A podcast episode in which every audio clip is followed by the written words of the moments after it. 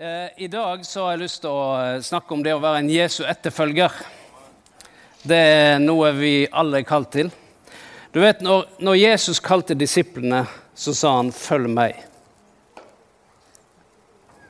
Det var ganske enkelt. Følg meg. Det er ikke alltid så enkelt å følge han, men han sa bare 'følg meg', sa han. Og eh, siden den gang så har millioner av mennesker sagt ja til Jesus. Og eh, når Jesus kaller mennesker i dag, så er kallet akkurat det samme. Han sier 'følg meg', sier han. Så fra første gangen og til han kalte deg, så har ingenting endra seg i forhold til det som han sier. Han sier 'følg meg'. Og eh, det er jo sånn at Evangeliet det er ikke tilpassa en viss type menneske. Men det er det samme for alle mennesker. Og eh, Jesus han sa at 'jeg er veien, sannheten og livet'. Ingen kommer til Faderen uten ved meg. Så Jesus sier at 'jeg er veien til Gud'. Hvordan vi finner Gud og for et møte med Jesus, det kan være veldig forskjellig. Og det er jo fordi hver enkelt en av oss har vår egen personlighet og har vår egen historie. Derfor er den veien hvor vi finner Jesus, den kan være litt ulik. Men uh, uansett hvordan vårt personlige møte med Jesus er, så er det jo sånn at uh, det ble et før, og så ble det et etter. Har du opplevd det? At det ble et før, og så ble det et etter. Og eh, det er det som beskriver når Jesus sier 'følg meg'. For disiplene som fulgte han, så var det et før, og så var det et etter. Og slik er det den dag i dag. Eh, jeg vil snakke om det å være en Jesus-etterfølger. Så jeg har først eh, lyst til å bare snakke om fire litt sånn ulike typer eh, følgere. Og eh,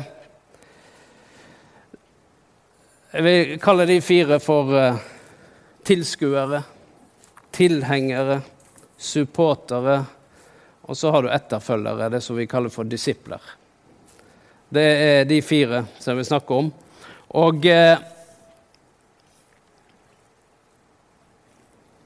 det er jo uh, Så jeg vil bruke litt eksempel fra, fra fotball, fotballbanen. Er det greit? Er det noen som holder med Brann her? Ingen? OK. Eh, først vil vil jeg snakke om tilskueren. Så jeg regner med du ikke er blant de. Men eh, hva er det som eh, kjennetegner en tilskuer? Det er på en måte en, en er sånn generelt interessert og engasjert. Og så fungerer den best i medvind. Det vil si at en er sånn medgangssupporter, heter det. Og så er det slik at været og humøret det spiller sterkt inn i prioriteringen.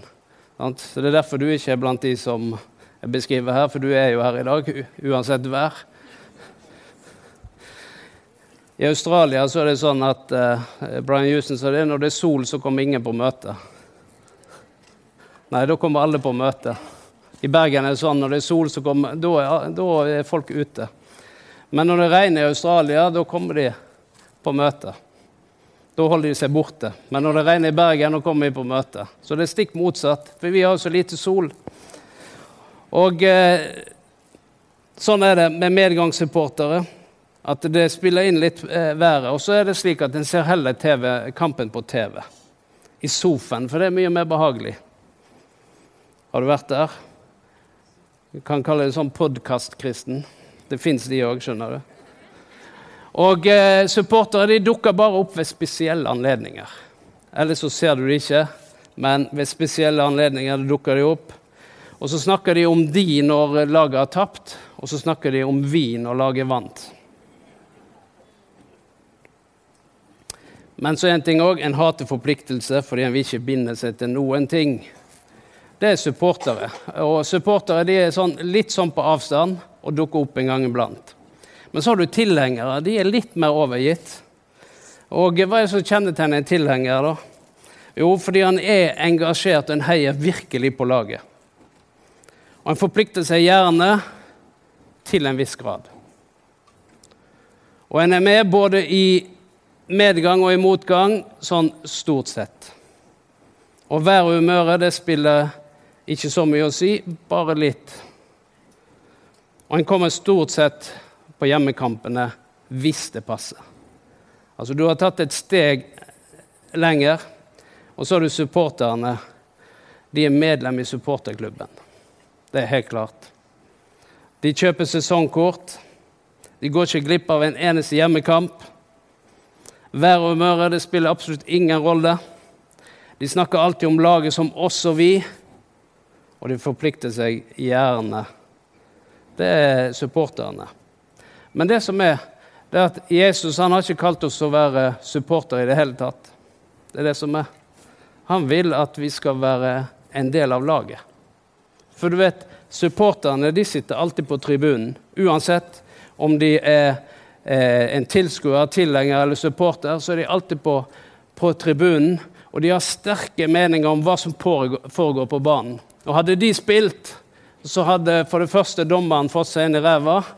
Og for det andre så skulle den vært utvist. Og eh, det er mye som skjer på banen. Og hadde han bare sendt til den, så hadde vi vunnet. sant? Fordi en er på avstand fra det. En, er, en, deltar ikke i kampen, en står litt på avstand, og så har han veldig mye meninger. Men Gud har ikke kalt oss til å være noe av dette. Det han har kalt oss, det er til å være en etterfølger, en disippel. På nynorsk syns jeg det er fint med disippel. Der heter det læresvein. Det er fint. Læresvein. Jeg er vokst opp med nynorsk. Og eh, hva er en læresvenn? Det, vi kaller det en lærling i dag. Gjør vi ikke det? Hva er det som eh, eh et, Altså, hvis du skal være en lærling, så må du ha opplæring hos en mester, er det ikke sånn? Har vi noen som er lærling her? Du er lærling, er ikke du det? Og da får du opplæring hos en mester i faget. Og Jesus han kalte seg sjøl for mester. Og så kalte han de som fulgte han, for disiplene sine. Og eh, for en lærling så må du ha en mester. Så må du ha opplæring hos denne. Du må være lærevillig, og så må du ta korrigeringer når mesteren sier at du, nå må du endre på det, du må ikke gjøre det slik, du må gjøre det slik. Og så er poenget det at den viser deg hvordan du skal gjøre det, og så skal du gjøre som mesteren. Men hele målet med eh, lærlingefaget det er at du skal bli som mesteren. Det er det som er. Det, er en vei. Først er du under læring, så får du opptrening, og så skal du gjøre det samme som mesteren. Er det ikke det som er poenget med å være lærling? Jo. Så når Jesus kaller oss for læresveiner eller lærlinger eller disipler, så har det noe med at vi skal etterfølge Han. Og eh, det er at vi følger ikke bare Jesu ord, men vi følger også det han gjør. Fordi når Jesus var sammen med disiplene, så ga han de veldig mye undervisning. jo ikke han? Og vi, vi, vi, vi har bergpreken, vi har eh, eh, forskjellige eh, kjærlighetsbud og eh, mange, mye undervisning som Jesus ga oss. Men så gjorde han en ting til. Han helbreda de syke. Han så synderen, og så, ba, og så sa han eh, eh, Jeg fordømmer deg ikke, gå bort og synd ikke mer. Og han besatte ble satt fri. Det holdt Jesus på med. Og det var en del av læringen for disiplene. For hva skjer i apostelens gjerninger? Da er de over i å gjøre det som de så Jesus gjøre. Skal vi lese Lukas 6,40? Der står det slik. En lærling står ikke over sin mester, men når han er utlært, blir han som sin mester. I Matteus 10 så står det det er nok for en disippel at han er som sin mester. Matteus 10, 24. Det er nok at en disippel er som sin mester. Og i Johannes 14, 12, så sier faktisk Jesus at den som tror på meg, han skal, gjøre, han skal også gjøre de gjerninger jeg gjør.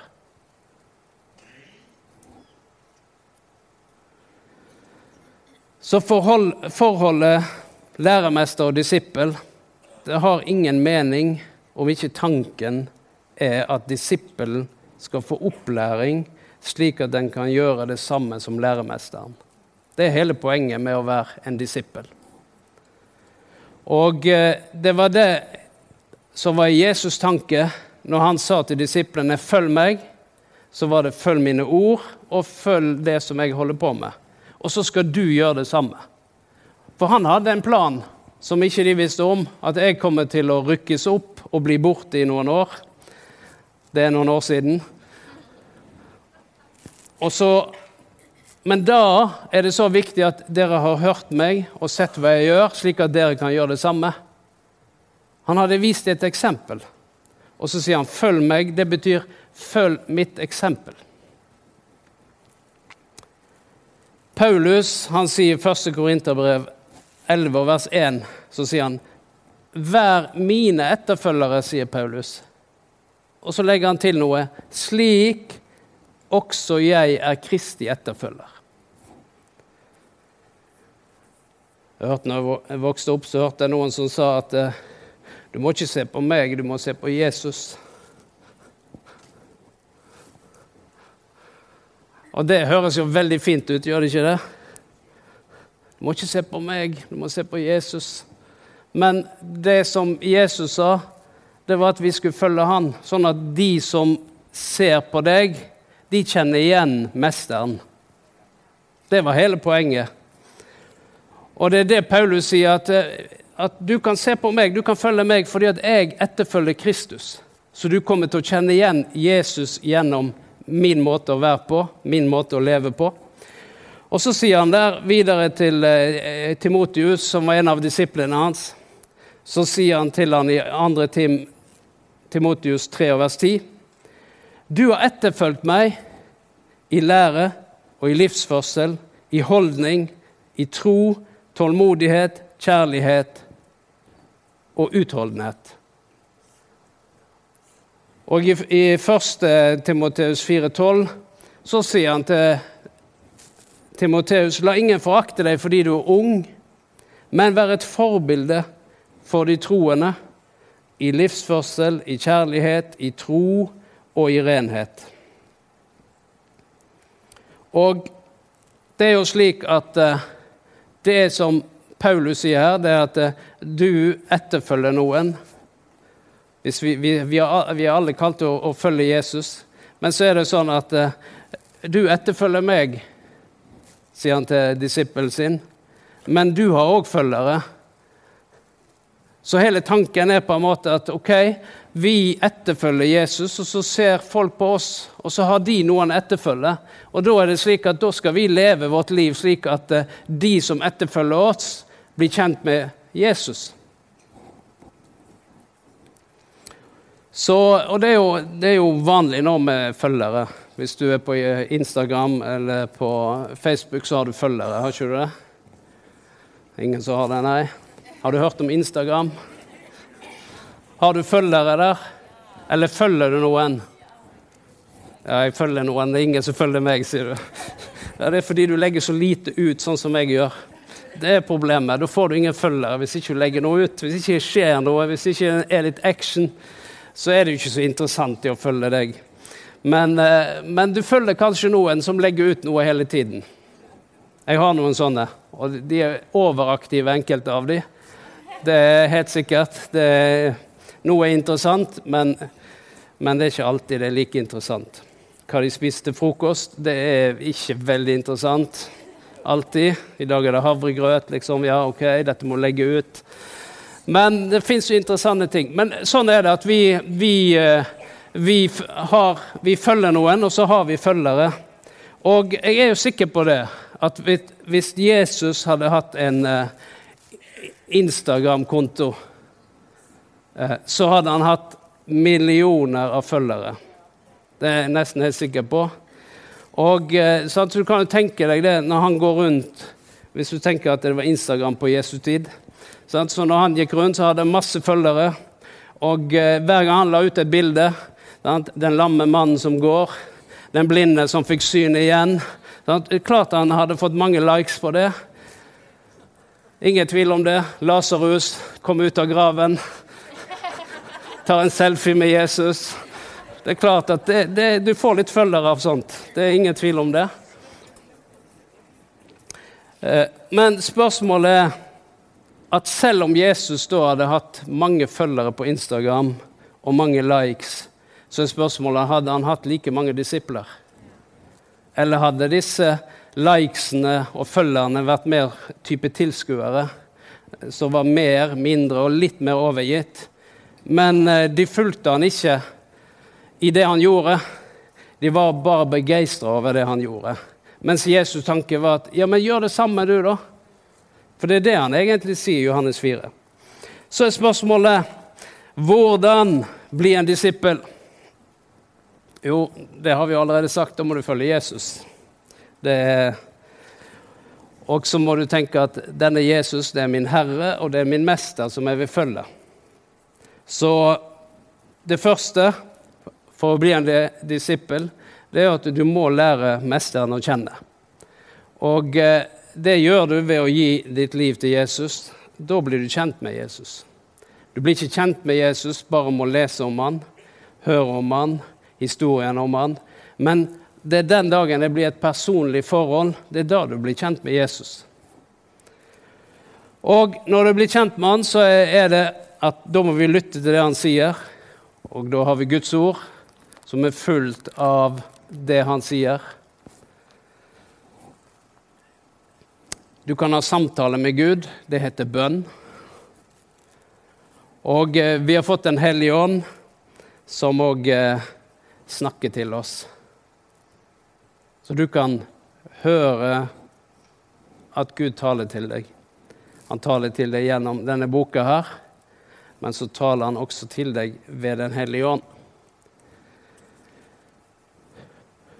Og så er det neste det at vi skal leve slik som mesteren lever. Lærer. Ikke lever, men jo, det òg, men òg lærer. Og eh, hvis vi skal leve slik som mesteren lærer oss, da må vi òg finne det ut. Hva, hva, lærer vi? Hva lærer Guds ord oss? Hva lærer Bibelen oss? Hva er det Jesus har sagt? Da må vi studere det han sier, og så må vi finne ut Eh, kan, hvordan kan mitt liv eh, Det er noe som heter at du kalibrerer. Har du hørt om å kalibrere? Det er slik at eh, når du er på I hvert fall før i tiden, nå er det mye GPS, og, men, men, det var sånn at da måtte du, du måtte justere eh, den eh, verktøyet som heter Jeg vet ikke hva det heter nå i farten, men i hvert fall eh, eh, kompass og alt sånt må kalibreres sånn at det var riktig til enhver tid. Fordi at uten kunne du komme ut av kurs. Og eh, jeg hørte om en, eh, en fabrikk som, eh, som hadde eh, De produserte gass. Og i hver enkelt rom i, i den bygningen hvor de produserte gass, så var det sånne alarmer. Og hver eneste dag så måtte de ta de alarmene ut av det rommet de var i, over i et nøytralt rom, og så måtte de kalibreres. Dvs. Si, de måtte justeres, slik at de visste at de slo ut på den minste tendens til gass. For hvis de kom ut av kalibrering, ut av justering, så kunne det sive gass inn, og den var veldig dødelig. Og bang, så enten smalt det, eller så var folk døde. Så derfor, hver eneste dag, så måtte de ta det ut, nullstille de i et nøytralt rom, og så måtte de eh, settes tilbake igjen til neste dag. Og eh, det er litt sånn med, med eh, Guds ord. Dette er, er vårt kalibreringsverktøy, hvor vi kan eh, se livet vårt, og så kan vi tenke eh, Hvordan er livet mitt i forhold til det Jesus sier? Hvordan, eh, hvordan er det i forhold til det som han har sagt? Og eh, og Det gjør at dette er et hjelpemiddel for oss, Fordi vi, vi har følelser, omstendigheter, alt mulig som skjer i våre liv. Og, og vi blir påvirka av alt rundt oss til enhver tid. Og da må vi kalibrere. Da må vi tenke Jesus, hva sier du? Hva, hvordan skal mitt liv være i forhold til det du har sagt i ditt ord, i Det nye testamentet? Hva, og så justerer vi oss. Noen de prøver å forandre denne boka, fordi da slipper en å justere på seg. Og det blir liksom en motsatt verden. For da tenker du at eh, nei, vi, vi, vi, prøver heller å vri på ordene her og tilpasse den. Og så kan vi, For da kan jeg fortsette å leve som jeg lever. Da slipper ikke jeg å endre på noen ting. Og så prøver jeg nå Jeg har vært borti folk som har Du kan finne bibelvers for det meste hvis du leter godt og tar vekk en del andre så kan du få et svar som du tenker ok, da slipper jeg å forandre meg. Men den boka her, det er et hjelpemiddel for at vi skal få et godt liv. Ikke for at vi skal være treller eller ha det vanskelig. Men Gud har de beste tanker for oss. Derfor har han gitt oss sitt ord. Så når Mesteren har gitt oss sitt ord, så sier han her er oppskriften på et lykkelig liv. Betyr det at du alltid er lykkelig? Nei, det betyr ikke det. Men det er på en måte at det fins en løsning i vanskelige tider. Så har vi Guds ord og Guds hjelp. Maria sa så fint her om det å være takknemlig. Det står faktisk her Vær alltid takknemlig, står det. Vær takknemlig. Takk Gud, står det.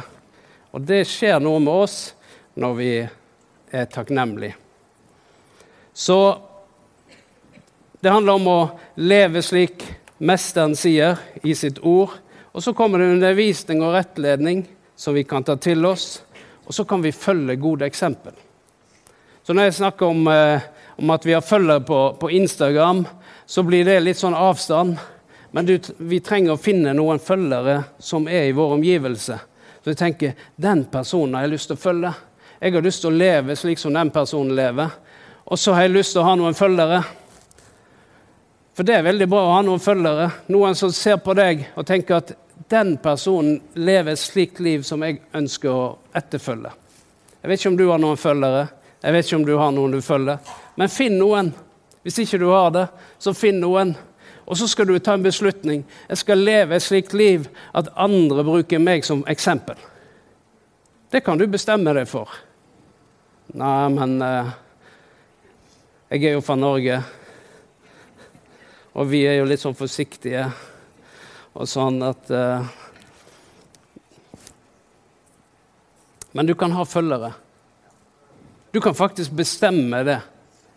At du kan ha noen følgere. Ved at du sier 'Yes, jeg vil leve slik som Jesus levde', og så vil jeg være et eksempel for andre. Og Da skal du bare se at folk begynner å se på deg, og så kommer de til å følge deg. Er det viktig? Ja, da er det det som er viktig. Det er som Paulus sier, 'Følg meg slik som jeg etterfølger Kristus'. Det er hele, hele prinsippet her. For Hvis du ikke etterfølger Kristus, så er det bra å ikke ha noen følgere. Eh, så det neste det er at vi skal gjøre det som Mesteren sier. Fordi at eh, vi kan, hva, vi kan, lese om hva Jesus gjorde, og så sier han 'gjør det samme'. Hva var det jeg leste i Johannes 14? 'Den som tror på meg, han skal også gjøre de gjerninger jeg gjør'. Så Jesus har faktisk sagt at det han gjorde, det kan jeg og du også gjøre. Så hvis han helbreder syke, så kan du helbrede syke. Kan du helbrede syke? Nei, men jeg kan ikke helbrede syke. Nei, ikke i din egen kraft, men i Jesu Kristi navn. For han sier at vi skal legge, de troende skal legge hendene på de syke. Så når Jesus la hendene på de syke, så kan vi gjøre det. Fordi at vi er hans disipler, og han har trent oss opp til å gjøre det samme. Så derfor er det slik at når noen er syke, så trenger ikke du ringe biskopen eller pastoren, men du kan selv legge hendene på de syke. Nei, men jeg vet ikke om jeg er åndelig nok til det. Ja, men tror du på Jesus Kristus? Så kan du gjøre det. Det er det som er hele betingelsen. Å tro. Og som troende så gjør vi det som Jesus gjorde. Har du bedt for syke noen gang? Det er to stykker. Er det noen andre som har bedt for syke? Mange her som har bedt for syke. Så bra. Har du kastet ut onde ånder? Det er noen som har gjort det òg. Fint. Begynner å hjelpe her. Du vet, eh, i Europa så, så tror vi det at eh, det, det ikke fins onde ånder. De fins kun i Afrika og i bushen i uh, Sør-Amerika. Men det er sånn at den samme Gud som virker der, han virker også her. Så det er faktisk sånn at folk trenger hjelp til å få frihet også i dette landet. Eh, så vi ser på Mesteren, og så gjør vi som Mesteren. Og så kan det være at du kan eh, ha noen kristne instruktører, noen troende som du går sammen med, og som kan gi deg litt eh, trening og opplæring. Og så er det sånn at vi har fått Den hellige ånd på innsiden, og det står det at Den hellige ånd er vår hjelper. Han er vår hjelper. Så det er ikke slik at du går på dette oppdraget alene. Men for det første så sa Jesus at jeg skal være med dere alle dager. Ikke nesten alle dager eller av og til, men alle dager skal han være med oss. Og så sier han når jeg går bort, så skal jeg sende dere talsmannen, Den hellige ånd. Og denne talsmannen det er vår hjelper, sier han. Jeg skal sende dere hjelperen som skal hjelpe dere. Og så, står det, og så sa han, og så skal dere få kraft når Den hellige ånd kommer over dere, til å være mine vitner. Så vi har fått full utrustning fra Gud til å være hans disippel. Han har ikke overlatt oss til oss selv i det hele tatt. Og så er det å gjøre det som, ja, å gjøre det som mesteren er. Og så er det å holde på med det som mesteren holder på med. Det er viktig. At ikke vi holder på med alt mulig annet, men at vi faktisk holder på med det mesteren gjør. Og det Jesus sa, det var at han vil bygge sin menighet. Så hvis mesteren bygger menighet, ja, da er vi òg med å bygge menighet. Det er, en, det er en, helt naturlig, det, hvis du er en disippel. Hvis ikke du er en disippel, da kan det være du holder på med litt sånn, dukker opp på stadion av og til. Sånn som Ja, vi skal ikke si noe mer. Og som jeg det er fotballkamp på søndag, så det er jo sånn. Men det andre er at hvis Jesus viste syndere vei, helbreda de syke og satte bundet fri, så har han kalt oss til å gjøre det samme. Det er faktisk slik han, han sier 'følg meg', så gjelder det òg disse tingene. For hele målet med disippelskap, det er at vi skal bli som mesteren. Ikke at du skal bli Jesus, for det fins bare én Jesus, men du som mesteren. Du kan ikke ta mesterens plass, og det er det Jesus sier òg, at det beste er at en, at en ikke står over sin mester når en er utlært, men at en blir som sin mester. Det vil si at, at du kjenner igjen hvem du har gått i lære hos. Det er fint. At de kjenner igjen hvem du har gått i lære hos, er ikke det? Så det her er noe av, av, det som er hele tanken med disippelskap. Han sier 'følg meg'. Så sier han 'følg mine ord', 'følg mitt liv', og 'følg mine handlinger'. Og så kan vi tenke hvordan det skal gå til. Men det Jesus sa når han kalte disiplene, det var ganske enkelt 'følg meg'. Og underveis så fikk de læring. Noen ganger så vil vi vite alt på forhånd. Du skal være glad for at du ikke vet alt på forhånd. For da er det mye du ikke har sagt ja til. Og det er ting du skulle sagt ja til som du angrer på du ikke gjorde. At Hvorfor eh, gjorde jeg ikke det? Hadde jeg gjort det, så hadde det og det og det, det skjedd. Nå er det ikke sånn i denne verden. Og så er det ting som vi ikke hadde sagt ja til hvis vi visste at å, men det ble, var litt tøft, det var litt fight. Eh, og sånn er det innimellom, at en må kjempe litt. Men eh, så hvordan er det at vi blir en disippel? Jo, vi har en mester som vi følger. Og vår mester, hva heter han? Han heter Jesus Kristus. Det er vår mester. Og Derfor så eh, bruker vi tid sammen med Mesteren. Vi lærer, vi lever slik som Mesteren lærer. og vi gjør det som mesteren sier. Og så holder vi på med det som mesteren holder på med, og så blir vi som mesteren. Og når jeg sier det, så vet vi at alt det som jeg har sagt nå, finner vi igjen her. Og det er derfor at Gud hele tiden utfordrer oss eh, til å se hvordan lever vi i forhold til den boka her. Jeg tar meg sjøl i det mange ganger. Hvordan lever du i forhold til, til hva Jesus lærer en? Og da tenker jeg at det, er mye ennå som jeg har å gjøre noe med. Det er faktisk slik at det kan bli bedre. Når pastoren har det sånn, så har sikkert du det sånn òg. Det kan bli bedre. Det, det kan, kan, ta noen steg til. Det kan gjøre, ta litt risiko og stige ut på vannet en gang iblant.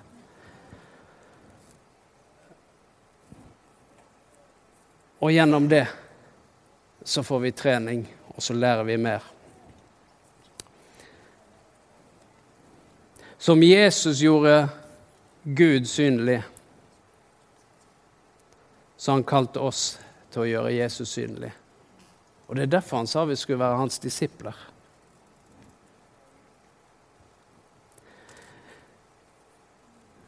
Jesus han viste oss Gud. For før Jesus kom, så hadde hele Gamle testamentet det snakket om, om Gud og vise til Gud. Men så kom Jesus. Og så var det slik at uh, Jesus han demonstrerte hvem Gud var. Og plutselig så oppdager en det at eh,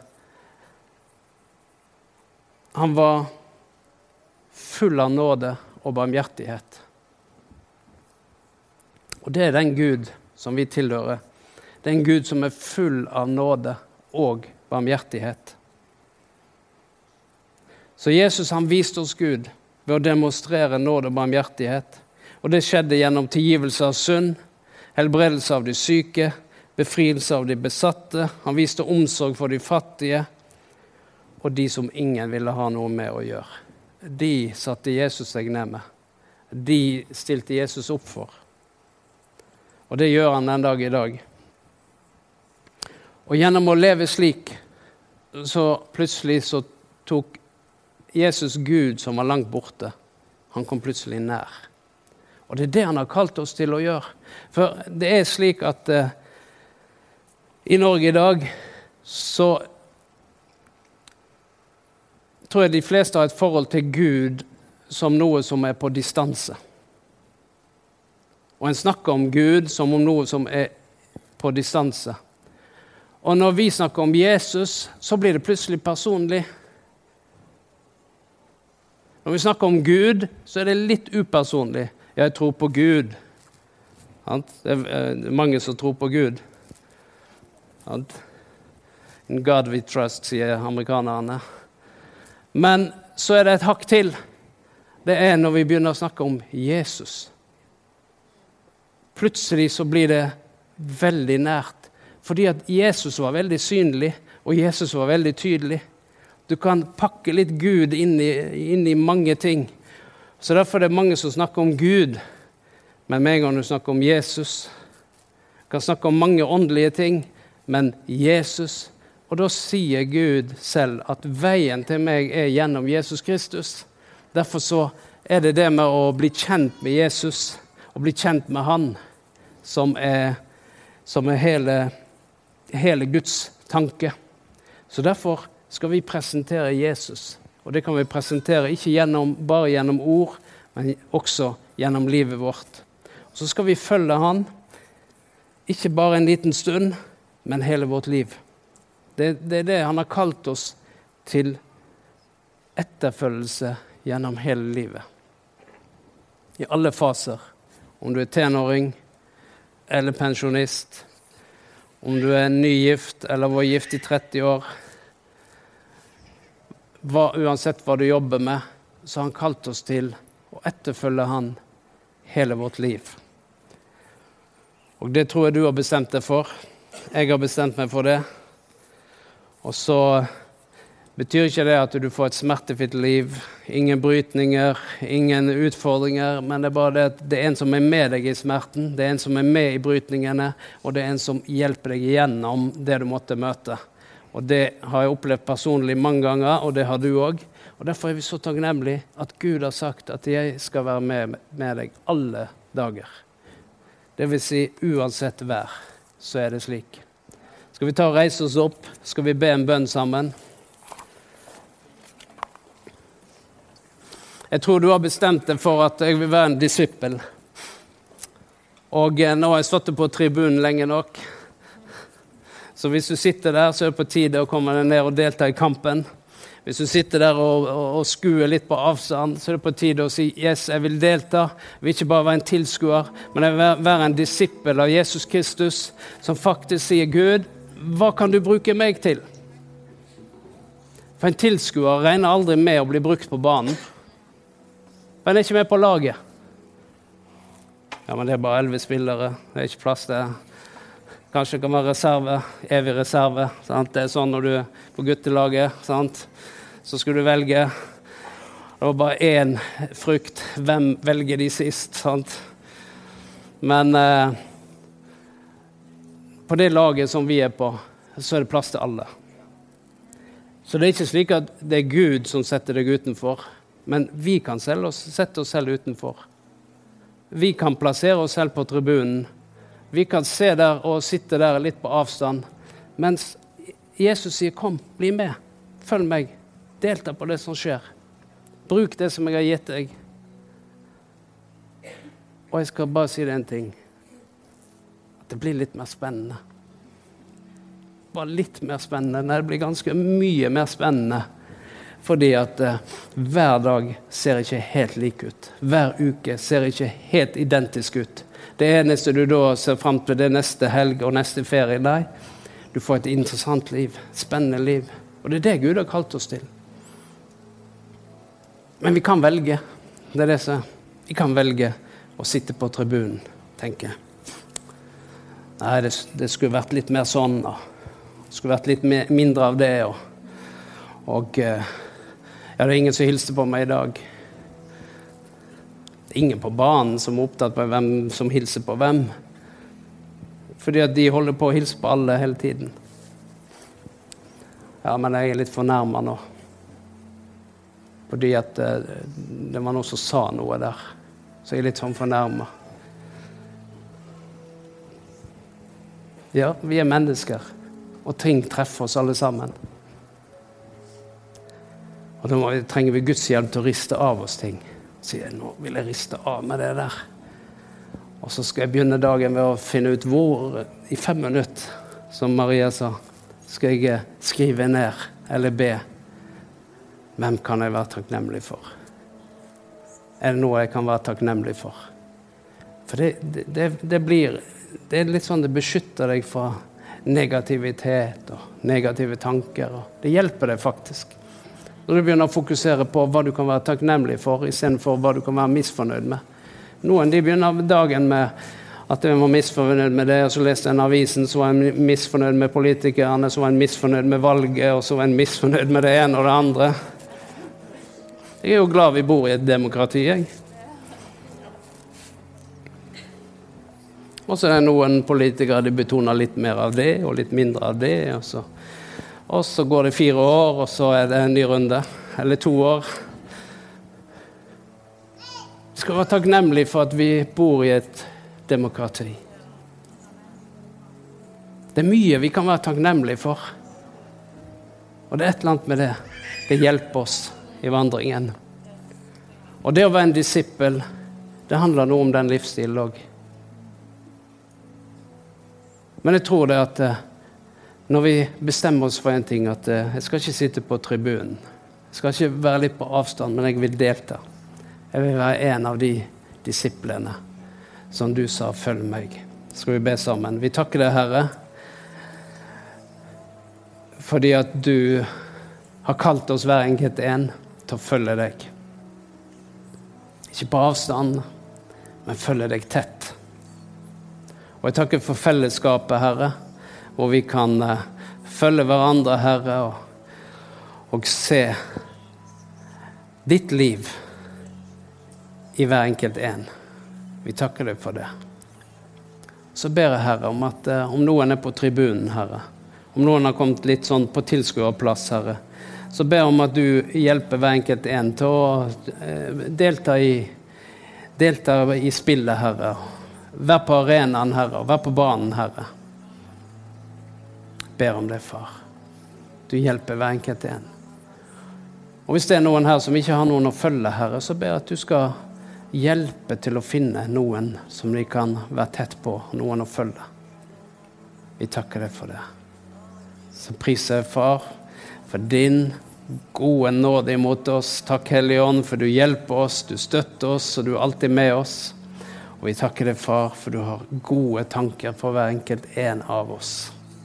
Takk, Herre. I Jesu navn. Amen. Vil du være en disippel? En etterfølger av Jesus.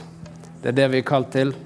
Skal vi tilbe Herren sammen, og så eh, tar du med deg dette ordet som en eh, oppmuntring, fordi at eh, Gud har kalt oss til å etterfølge Jesus og gjøre Han synlig. Det er det Han har kalt oss til som menighet. Og det begynner med at vi etterfølger Han, og så kommer vi til å gjøre Jesus synlig. Gud velsigne deg.